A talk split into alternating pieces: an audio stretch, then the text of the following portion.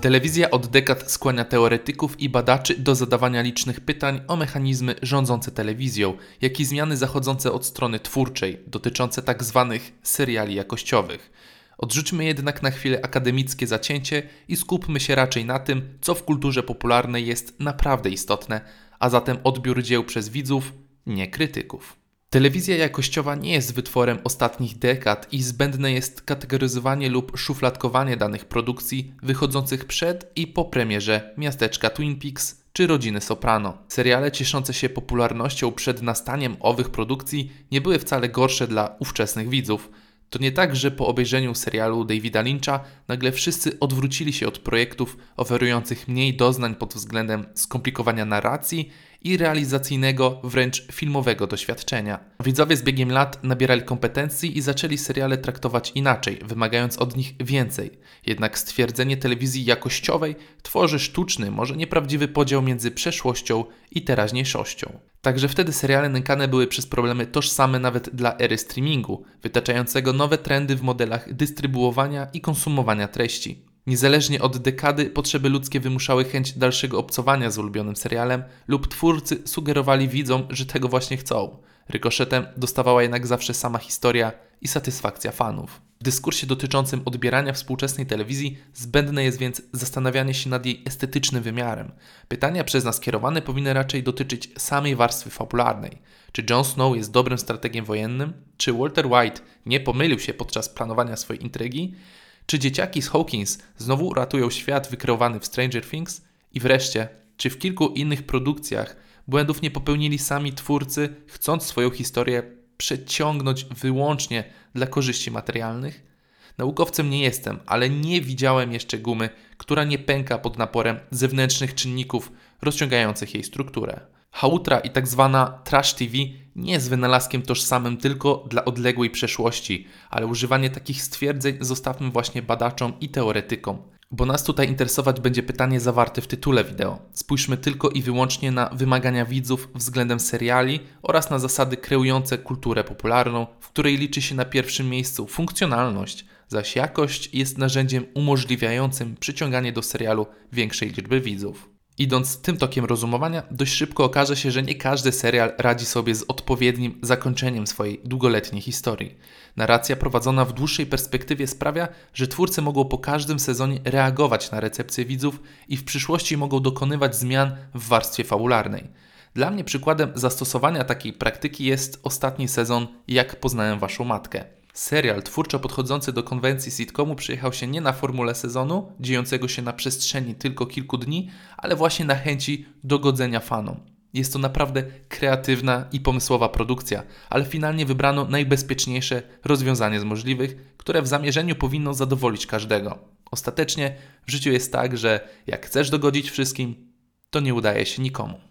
Sukces serialu jest dla stacji i twórców piękną sprawą, ale bardzo często staje się też przekleństwem. Tak było w przypadku popularnego serialu komediowego Świat według Bandich, który z czasem zaczynał popadać w marazm i odczuwalne było zmęczenie materiału. Ostatecznie ukazało się 11 sezonów, ale po latach widzowie muszą skupiać się tylko na tych udanych odsłonach, zaś te kilka ostatnich rzeczywiście potrafi zepsuć ostateczne wrażenie.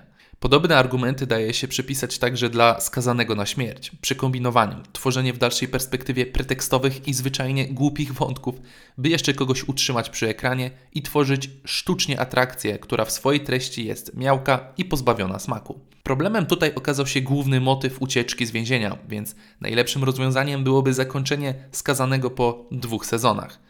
Ale nie robi się takich rzeczy nawet obecnie, kiedy serial osiąga tak duży sukces. Dalej mamy The Walking Dead, który ma już 50 sezon i dalej ma się wrażenie, że ten kotlet odgrzano zbyt wiele razy, ale wciąż twórcy prześcigają się w wymyślaniu zawiłych fabuł z nastawieniem na szokowanie każdego tygodnia, aby była chęć powrotu i obejrzenia kolejnego odcinka. Są też takie seriale jak Doctor House, których ostatnie sezony nie spełniają wymagań widzów i bierze się to z różnych powodów. Być może wcześniej zawieszono poprzeczkę bardzo wysoko i trudniej potem te oczekiwania zrealizować, trzymać równy poziom przez cały czas. Perfekt śpiewało, żeby ze sceny zejść niepokonanym, ale wielu serialom po prostu to się nie udawało. Dalej mamy to samo w przypadku Dextera, Plotkary, Lost Zagubieni, a nawet wymienić można grę o Tron, gdzie ostatni sezon był tym, którego fani w petycjach domagali się nakręcenia od nowa.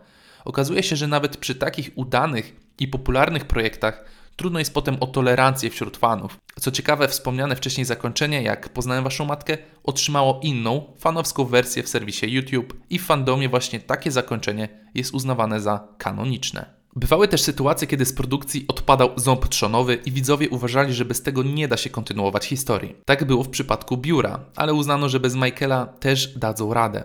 Odpowiem od razu, nie dali. Ciekaw jestem, czy świat według kiepskich, niegdyś głupkowata komedia, potem serial celnie diagnozujący polskie społeczeństwo, może jeszcze istnieć bez Boczka i Paździocha. Krytykowano też ostatni sezon House of Cards po odejściu Kevina Spacey'ego. Seriale mają to do siebie, że przywiązujemy się do konkretnej postaci i konkretnego aktora. Kiedy ich zabraknie, trudno nam wejść w ten świat bez obecności ulubieńca. Przeciąganie liczby sezonów to jedno, ale zdarzało się to nawet w przypadku pojedynczych sezonów.